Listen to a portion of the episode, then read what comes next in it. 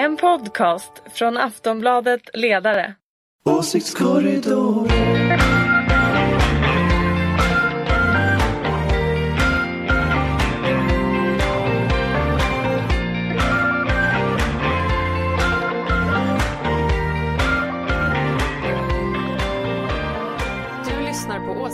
Åsiktskorridoren, Aftonbladet ledarredaktionspodcast. Och jag heter Margret Atladottir och jag vickar idag som programledare för Fredrik Virtanen.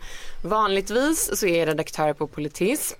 Idag så är tanken att jag ska vara en neutral samtalsledare. Eh, Med mig idag har jag Ingvar Persson och Anders Lindberg från Aftonbladet Ledare och Ulrika Schenström, moderat powerkvinna. Åh, en ny grej som jag är nu. Fast det här var ju riktigt bra. Ja, men bra. Eh, hur har veckan varit? Ja, det, så- ja, så där skulle jag säga faktiskt. För min vecka började med att jag hade oerhörd tandvärk. Oj då. Och jag kan säga att ehm, då tänker man inte på någonting annat än tanden. Men nu är jag oerhört sådär. Är Jag är du glad. åt, åtgärdad? Är du drogad? Nej, nej, Det don't brukar, worry. ja, det brukar ju annars vara så här folk som har tandvärk att de brukar vara lite Våren, groggy. våren har kommit hit. Jajamän. Så att eh, det, det Den har jag upptäckt nu också. Ja, ja, det är fint.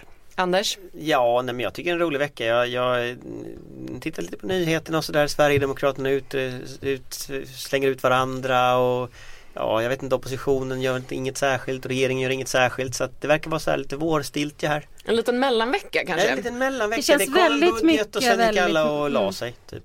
Ja, och sen jobbar ju liksom oppositionen på sin budget. Så att, och den brukar ju komma runt Alltså, någonstans Moderaterna- mellan första och femte Moderaterna maj. skrev någon sån här artikel igår. Eller Någon idag. sån Nej, det var här. idag, Idag, faktiskt. Det var en idag sån där En sån artikel. här artikel som var så här. Vi har absolut inget att säga men vi måste säga något artikel. Och så, Ja. så här, vi har tre punkter om ingenting och så. Och det, liksom, alla trampar liksom vatten bara så här än så länge. Men snart Men det är kommer viktigt en att ha en. DN Debatt. Det är Det är viktigt. viktigt att ha en, mycket viktigt Ja. att ha en debatt. Så Snart kommer vi liksom riktig politik och då blir det lite roligare så här. Eh, apropå DN Debatt. Eh, medborgartjänst. Företrädare för bland annat LO och Kommunal föreslog i veckan att man ska införa en allmän och obligatorisk medborgartjänst för alla svenska medborgare i 20-årsåldern.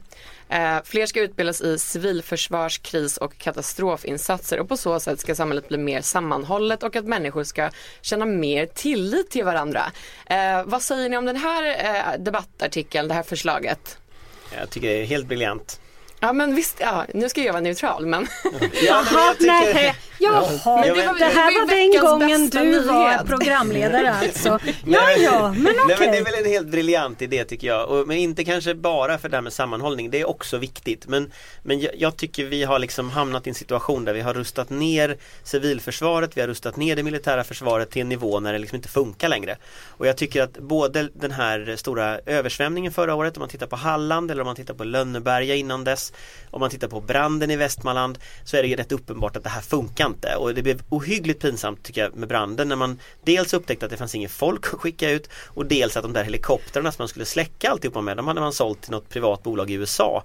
Så att, så att alltså, vi, vi behöver på något sätt en allmän uppryckning och då tror jag det här kan vara en del av det. Jag kan ju hålla med om att det är faktiskt både en bra idé eh, men samtidigt tror jag det kan bli komplicerat att tvinga folk in i sånt här som inte är vana vid det. Alltså jag tror jag har en liten testballong inför, inför eh, värnpliktsinförande eller någonting sånt där. Det känns ju lite åt det hållet i alla fall. Säger jag och Anders ser så lycklig ut så han hoppar upp och ner. Det här är verkligen någonting i Anders Lindbergs smak. Ja. Det här Ja, men grejen är den att det är en av de gångerna som Anders Lindberg och jag är överens. Jag tycker ju också att man ska införa allmän Men, men det svåra med det svåra med det är ju att- avskaffar det ju. Ja, Ingvar. men- Nej, ja, jag- ja, jo men ja, ja, jo, Men ju just du- jag du- personligen tycker ju Ja, så här. Det var ju, du, var ju, Man får ju vara med i ett kollektiv det, ibland. Det var ju du som var med och avskaffade. Just det, men jag tycker att det är bra. Själv, själv eftersom alltså jag är ju så gammal så att jag faktiskt har gjort militärtjänst på Wow. riktigt. Så, så någonstans, just det här med till... Cykelskytte. Ja, praktiskt taget. Eh, Inte sån nu. Inte riktigt, vi hade, men ja, vi ska inte dra ut. Men, men som sagt, efter att ha varit med om och, och liksom göra eh, anfall med skarp ammunition på linje och på skidor så har man svårt att förstå det här med tillit. Eh, det, var, det var ju mer så att man liksom blev bekymrad över sin omgivning när man var med om sådana saker. Jag tror att det, jag tror att det här är bra. Det finns, någon, det finns någonting ändå i, som visade sig just med branden i, i Västmanland. Det var inte så att folk inte ville hjälpa till. Men det är bara det att de 3000 personer kommer dit en och en. så är det ett förfärligt jobb innan man har lyckats få dem där att uträtta någonting. Men om det kommer tre, tre stycken eh, kompanier beväringar eh, så finns det en färdig befälsstruktur även om de inget kan. Jag, alltså jag, jag, det är inte så dumt att tänka sig att samhället har rätt att ställa krav på oss som medborgare. Men jag tror ju att många generationer oavsett färg faktiskt, alltså politisk färg, kan tycka att det här är inte en jättedålig idé. Men jag säger bara det att de generationer då som ska göra det här, Ja. de kommer ju bli helt chockerade. De här Och det är en av poängerna. Ja, men jag tänker liksom att- Troligen, men jag kan säga, du kan tänka dig vilka uppror Fast- fast- Ola- oavsett politisk färg de på, på kommer att göra. igår så var det massa så här borgerliga opinionsbildare som kallade det här för slaveri och sådana där saker. Men, ja, jag, det, det, det där kommer jag ihåg för när man följde så här MUF-kongresser i början av 90-talet. Åh, nu är vi där Då hade igen. de ju massa sådana debatter hela tiden. Dessa men men du har sett på lite roligt ändå? 90-talet. Men det är lite roligt ändå att det går igen på något sätt. Och när jag hör det där, då känner jag så här Tänk om det var därför som Reinfeldt och Tolgfors och kompani drev den här politiken. Att det i själva verket inte handlar om säkerhetspolitik utan det handlar om ideologi. De var så övertygade om det här och det, på något sätt priset av att vi fick en MUF-ordförande som statsminister det var liksom att inget kårobligatorium och ingen värnplikt. Fast- och sen fast- får säkerhetspolitiken liksom Ja. bli vad den blir. Ja, jag Fast- orkar inte ens nej, nej. svara liksom. Jag bara Nej, känner, ti- tio- jag bara går in här och ja, ut genom ja, andra örat. Tio år tidigare så var det en typisk vänsteråsikt att man absolut inte skulle göra värnplikt. Eh, varken liksom för att stötta Exakt staten så. eller med vapen. Så att, eh, det, jag, jag, lite, Och moderata Ja. killar som inte ville göra värnplikten, de var ju rent ut sagt det. De var ju kriminella på alla sätt. De blev ju i för sig försvarsministrar med tiden. Ja, du ser. Precis, kriminella på exakt alla sätt. Finansministrar. Men jag tänker, Ja men exakt, det är det jag menar med, med det här MUF. Ja, är De satt där i. MUF Östergötland i början av 90-talet där, hö, vi ska avskaffa värnplikten. Och så gör de det! Ja, coolt va? Och nu sitter vi här som fån. Ja, ja, men det här är ju början på det. det här är, du, du kommer bli lycklig tror jag. Det här är början på det. Det här är liksom testballongen på om det här är en bra idé eller Den starka statens återkomst. Ja, jag, jag, tänker jag är inte lika säker på att det är en testballong tyvärr men, men jag hoppas att det är en testballong och jag hoppas att liksom Peter Hultqvist nu vågar gå vidare med också att prata lite mönstring och sådana här saker så att det blir lite gjort här också. Lite ordning och reda Lite tycker du? reda. Mm, Men jag, jag tänker så här att det är lätt för oss att eh, tycka att det här är fantastiskt. Lite som du var inne på Ulrika, de som faktiskt ska göra det här. Vet vi vad de tycker om, om det här förslaget?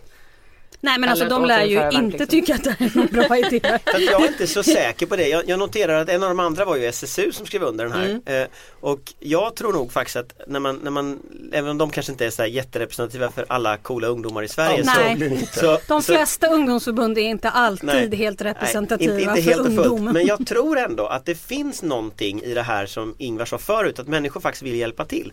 Och, eh, om, man, om man kollar på hur vårt samhälle ser ut, alltså vi har ett betalningssystem som är elektroniskt, vi har el för att kunna spola i toaletten i princip, för att kunna få någonting att funka överhuvudtaget. Om de sakerna pajar ihop, vilket inte är otänkbart, då kommer man att behöva något system för det. Jag tror de flesta fattar det. Så, att, så att, samtidigt, jag tror också att det finns en efterfrågan på att liksom vara, vara med i något större. Och, och kollar vi på hur vårt samhälle ser ut, att det är väldigt splittrat och, och, och folk kommer från väldigt många olika håll. Det är en poäng som görs i den här artikeln av att man håller ihop samhället. Och det, jag tror ändå att det finns något, något mervärde i det där som, som är lite större än bara ja, själva grejen. Fast det ligger ju i pliktbegreppets natur. Att det, att, det inte, alltså, att det handlar om någonting som man nödvändigtvis inte gör frivilligt. Då behövs det ju nämligen ingen plikt. Eh, så att det är klart att det, eh, det är klart att det där inte är någon lätt idé. Och, men det är heller inte lätt att utforma det. Att, att Nej, utbilda absolut. liksom 100 000 personer i vad de nu ska utbildas i. Eh, det är ju inte en organisation man heller stampar ur, ur marken. Alla de här gamla kaptenerna och löjtnanterna och, och, och som skötte om sådana här saker. Eh, ute på, jag menar, regementena är omgjorda till köpcenter och, och vad kaptenerna har blivit av vet jag faktiskt inte riktigt. Eh, utom någon som är oppositionspartiledare, honom kommer vi tillbaka till. Du tänker på honom ja. Ja. Mm. Vi eh, går vidare nu till någonting som händer i helgen. Eh, kanske inte det hippaste eventet i helgen men i Västerås så kommer Folkpartiet att hålla riksmöte. Ehm, man ska ägna sig åt förnyelse och kraftsamling. Eh, och jag citerar här. Vi ska formulera vad liberalism betyder idag och utveckla liberal politik för en ny verklighet. Detta står alltså i inbjudan. Eh, samtidigt går det allt uslare i opinionsmätningarna för Folkpartiet. Kan ni hjälpa mig att svara på det här? Vad är liberalismen idag?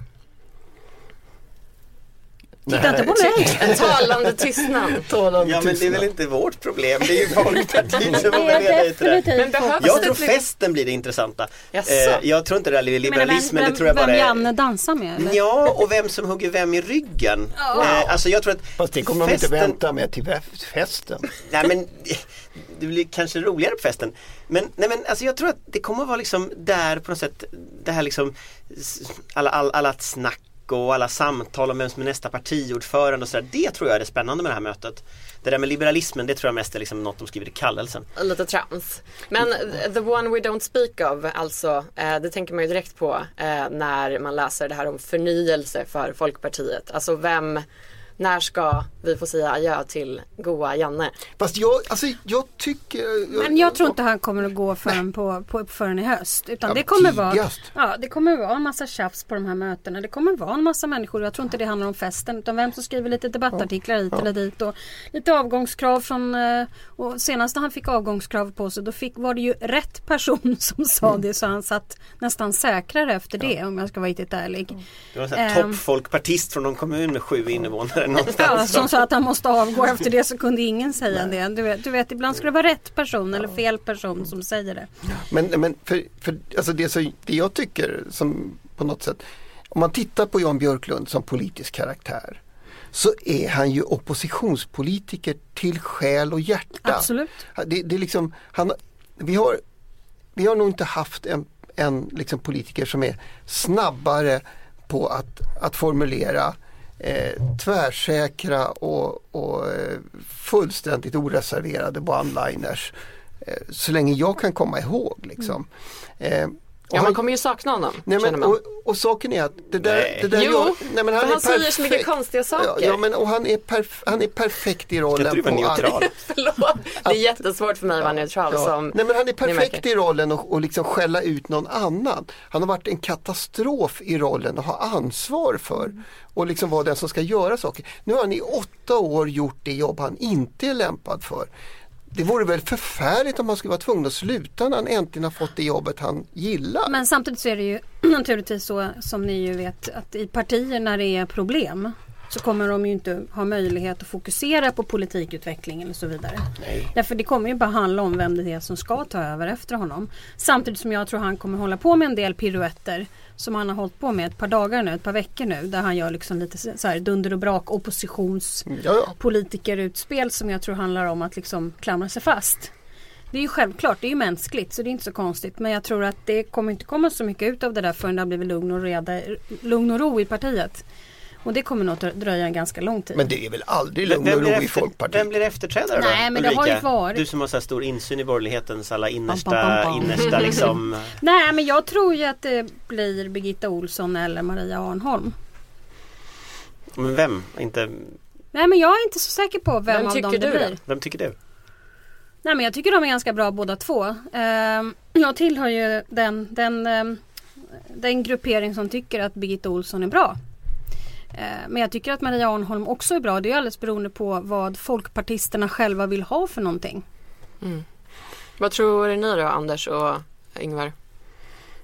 Jag, alltså jag tycker ju det där partiet är så svårt att begripa sig på för det är så litet. Alltså faktiskt på riktigt så är det, har man en känsla av att, att de är det gäller ju alla partier, att det finns ett inre kotteri och, och, och det är inte så hemskt många människor som påverkar vad som egentligen händer. Men, men det gäller liksom i alldeles särskild utsträckning Folkpartiet.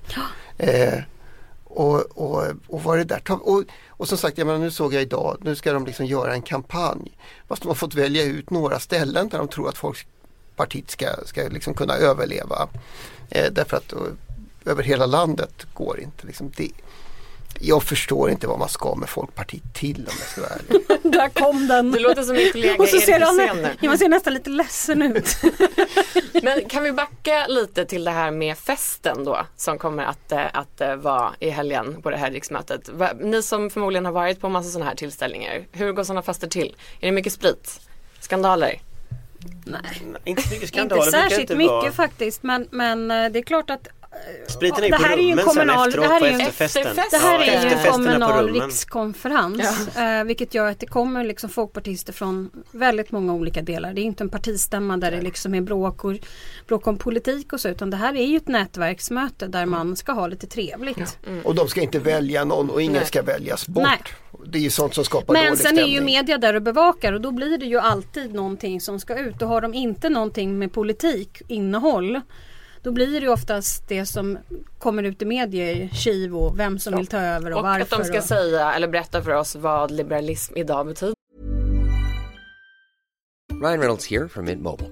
With the price of just about everything going up during inflation, we thought we'd bring our prices down. So to help us, we brought in a reverse auctioneer, which is apparently a thing. Mint Mobile unlimited premium wireless. Ready to get 30, 30, bit to get 30, bit to get 20, 20, 20, bit to get 20, 20, bit to get 15, 15, 15, 15 just 15 bucks a month. So, Give it a try at mintmobile.com slash switch. $45 up front for three months plus taxes and fees. Promo for new customers for limited time. Unlimited more than 40 gigabytes per month. Slows. Full terms at mintmobile.com. enligt inbjudan. Det kan ju vara intressant att Mm. att Vi få får väl vänta på det Vi helt får enkelt. vänta på det. Jag tror att svaret på söndag kommer att vara att liberalismen var kluven. Att det är en kokosnöt. Va? Nej, det här är Karin Pettersson som brukar, brukar skriva det här på Twitter ibland. Liberalismen är en kokosnöt. De som följer Karin, Karin Pettersson kommer Tydligen förstå gör inte detta. vi det. Nu blir det dålig stämning. Eh, hörni, eh, vi eh, går vidare och pratar lite om KD. och eh, att eh, eh, Ebba Busch eh, kommer att väljas eh, till ny KD-ledare. Och eh, eh, Feministiskt initiativs ledare Gudrun Schyman, som väl inte i en enda fråga håller med Ebba Busch, eh, välkomnar det här. Hur kommer det sig? Krama ihjäl finns en strategi som heter. Absolut. Sen Den tror jag, tror är jag en på. mycket, mycket bra strategi. Man, man, man, man, så här, nu, om, Välj någon- om, någon, om någon kommer med ett förslag som man själv upplever som att det här kan ju bli jättejobbigt. Då säger man hurra vilken briljant person ni har valt eller vilket briljant Ja, förslag. och, och den kvinna som inte hjälper andra kvinnor Och så vidare. finns det en särskild plats för i helvetet. Jag, tror det, jag tror är en sinister, jag tror en sinister är- taktik från Gudrun Schyman. Jag skulle nog säga att det är ganska mycket taktik. Och hon, alltså på ett, det är väl fullt begripligt om, om Schyman ska försöka skriva liksom sin plats i svensk politiks historia eh, så är det väl som den som bröt mark för, hon, menar, hon var inte den första kvinnliga Nej. partiledaren men, men det är så hon kommer att vilja skriva sin, sin historia. Eh, och då är det klart att, att då kan hon inte idag säga att det är jättedåligt att, Nej. att det parti som alla trodde skulle vara det sista Mm. att välja en kvinna, nu väljer en kvinna. Även om det är en person man inte, inte liksom håller med på. Men, en men sen är det väl också så att Feministiskt initiativ har ju, de har ju tre års ökenvandring nu framför sig om det inte blir något extraval vilket väl är ganska osannolikt ändå. Och det innebär att då ska de klara sig nu i tre, i tre år och då, då har de ju som sagt två alternativ. Antingen tar de avstamp mot Sverigedemokraterna och så fortsätter de det här med att det handlar om som rasism och inte rasism. Jag tror inte att det är riktigt hållbart för att nu som riksdagen ser ut så kommer andra partier, särskilt Miljöpartiet, att vilja ha den rollen. Och då återstår egentligen att försöka få feminismen och få en konflikt om den och då är Ebba Busch faktiskt en fantastiskt bra motståndare därför att hon är så hon är så oerhört anti allting som är för jämställdhet och sådana saker så att hon kommer liksom att, att bli på något sätt ni, den absoluta nidbilden av Feministiskt initiativ, en sån här spegel. Så att jag skulle inte förvåna mig om det här är som första steget i nästa strategi som de har. Nämligen att ta den konflikten mot KD, att det är liksom det de ska bära under oppositionstiden. Och det är nog inte helt dumt tänkt för, för Fi.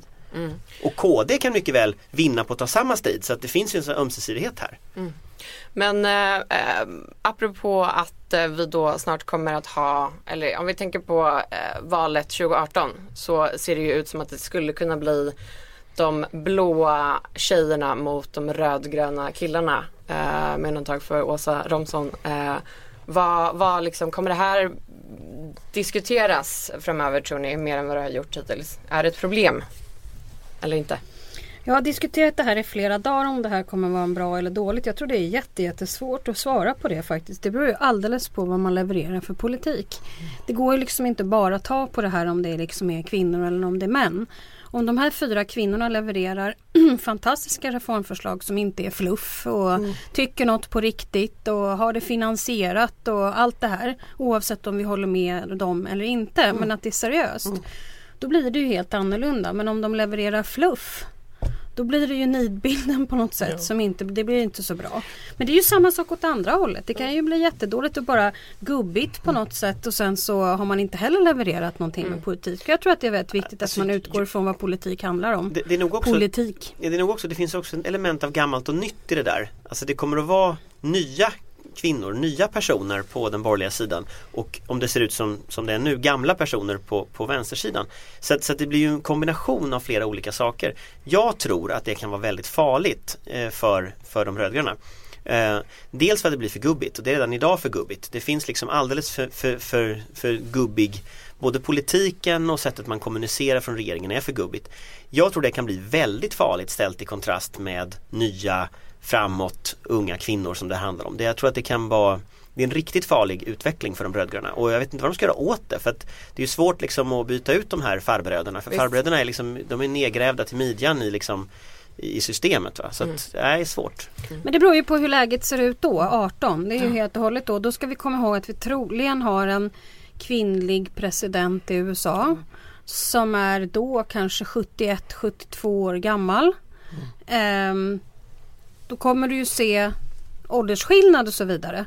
eh, På det här. Så det, det beror ju alldeles på om man tycker liksom helt plötsligt att kvinnor, alla ska ha mer erfarenhet. Partiledare borde vara 69 år när de blir partiledare.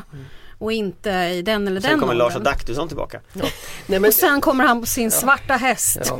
Fast jag måste, jag måste säga att jag tycker, alltså nu, nu pratar vi om det därför att Ebba Busch Ja, liksom, eh, ska väljas och vi, vi, eller ni tror att Lars Leijon eller eh, Björklund tänker, tänker liksom låta sig avföras från, från det här. Eh, och det kan ju vara så. Men, men alltså är inte det, den här skiftet det, det, men det var inte så länge sedan Maud Olofsson kunde göra ett jättepoäng av att hon var liksom den enda kvinnan i partiledarkretsen och alliansens moder och, och det blev liksom sådär. Jag tycker att det här skiftet har skett med förhållandevis små bokstäver vilket ju jag åtminstone uppfattar som, som rätt skönt. Alltså jag, jag har en känsla av att de här partiledarna i huvudsak kommer att bedömas utifrån, som Ulrika säger, vilken politik de levererar och vilken trovärdighet de själva eh, kan. Sen är det klart att det finns en, alltså det finns en bild som är kraftfull i tanken på fyra, fyra Visst. kvinnor. Det Medierna har en viktig roll där i hur, hur man kommer att beskriva respektive lag eller respektive sida och så vidare. Det ser ju inte så snyggt ut nu den neutrala eh, programledaren säger. Det ser inte så snyggt ut när man ser då på bild kostymgubbarna mot, eh, mot tjejerna. Nej. Jag måste bara få en jättesnabb fråga till Ulrika. Som, Ja, eh, därför kör. att det som att Folkpartiet och Kristdemokraterna håller två viktiga stora möten som de vill ha publicitet på samma helg. Mm, obegripligt. Ja, eller är inte det ett tecken på att Alliansen åtminstone i fråga om organisatorisk samverkan håller på att bryta ihop? Jag tycker det är väldigt konstigt och de här mötena har antagligen någon på organisationsavdelningen på, på partiet gjort under regeringstiden. Ni hänger med? Då har Ja. de inte pratat med varandra antagligen. Ja men det är väl inte, sånt måste ju kunna hända. Men om det börjar hända hela tiden Ja. då är det lite annorlunda. Men å andra sidan det här är väl en extra, extra riksting Ting. som KD har. Ja, Och det här var väl kanske den enda helgen som det fanns något kongresscenter öppet. men om man satt på Folkpartiet så skulle man vara rasande. Ja, va? jo, ja, absolut. Vi ska prata om någonting eh, lite dystrare. Flyktingkatastroferna på Medelhavet hörni. Hur får vi slut på att folk dör? Ganska svår fråga men Anders. Du har skrivit om det här i veckan. Ja, nej, men alltså det, det är ju en jättesvår fråga och det finns inga enkla lösningar på den. Eh, det, det som de ska diskutera ikväll det är ju det här 10-punktsprogrammet som inte verkar vara 10 punkter utan verkar vara rätt många punkter. Jag har suttit och försökt sätta mig in i den dokumentation som finns från kommissionen kring vad det är de faktiskt föreslår. Men, men kärnan i det, det är ju en kombination av mer effektiv sjöräddning, att jobba aktivare i Afrika, Libyen framförallt, men sen också att jobba så att säga efter flyktingvågen, var flyktingarna kommer ifrån. Eh, Men sen handlar det om mottagandet mycket i Europa och där där, känner ju, där, där känns det ju inte som att det finns särskilt många konkreta förslag till hur man skulle göra det bättre. Och I morse så kunde man ju avslöja ett dokument som, som sa att, att det, det som liksom när, när allt prat är färdigt så är liksom lösningen att skicka tillbaka folk. Så att, så att så kärnan i den här, i vad man kommer att göra är svår att se. Ja, det jag tror borde göras, det, är, det tror jag är tre delar som, som borde göras. Det ena är att man måste få en fungerande sjöräddning. Eh, nu ska man dock vara medveten om att det här skeppet som vi pratar om sjönk väldigt fort. Det är inte så att en fungerande sjöräddning hade gjort så stora, stor skillnad i det här fallet. Utan, utan så länge den här flyktingvågen i de här båtarna fortsätter så är det här en risk som, som, som kommer att fortsätta vara. Va? Men en fungerande sjöräddning är grunden tror jag, att, att, eh, att få det här att funka och det måste Sverige också bidra till. Det andra det är att hitta ett system för mi- migrationen till Europa som fungerar bättre och det är det som brukar kallas för lagliga vägar till Europa. Eh, Löfven har ju lan- lanserat det här med humanitära visum, att man så att i, i de länder där folk är ska kunna söka ett humanitärt visum och sen söka asyl. Vad tycker jag, ni om det? Jag tycker det är en jättebra idé. Eh, jag tror inte han kommer att få stöd av det dock på Europeiska rådet. Så den frågan som kommer att, landa här det är ju, ska Sverige införa det här själva? Det kan vi med nuvarande regelverk. Eller ska vissa länder införa det själva och andra inte? Det är inte helt lätt. Men det tredje området det är Libyen. Att liksom se till att det fungerar på plats på något sätt. Och där, de- den idé som finns det är ju att stödja det libyska folket så att de får en fungerande stat igen om man ska vara krass. Och det är ju också så, vi var ju med och bombade sönder den förra staten de hade så att vi har ju också ett ansvar från Europas del. Men de tre delarna måste man nog ganska fort bestämma. Ulrika? Nej men jag håller ju framförallt med allt med om det här med sjöräddningen. Det andra är jag faktiskt inte särskilt inloggad på om jag ska vara riktigt ärlig. Men sjöräddningen och där var ju Löfven ute i veckan och sa att man, man eh, skulle få kust, kustbevakningen till att hjälpa till och det tycker jag väl är oerhört viktigt. Det gäller ju samordning. Det här är ju nästan som vi avslutar med den här frågan som vi började med egentligen. Det handlar ju om eh, samordning på stort och den andra frågan var samordning på lite mindre. Ja. Sen, är, sen är det väl en sak, alltså det är verkligen inte en lösning men ändå en, en, en liksom reflektion som, som man måste göra och det är ju att alltså det, en av de stora utmaningarna blir ju för oss som liksom europeer eller medborgare eller människor egentligen att ha kvar det här fokuset. Alltså nu har vi haft en vecka när, när det har rapporterats om liksom, tusen döda, en katastrof, nya larm varje dag. Eh, och vi är alldeles chockade. Va? Och sen ser vi siffrorna. Jaha, det, har liksom, det här är ingenting som har hänt den här veckan.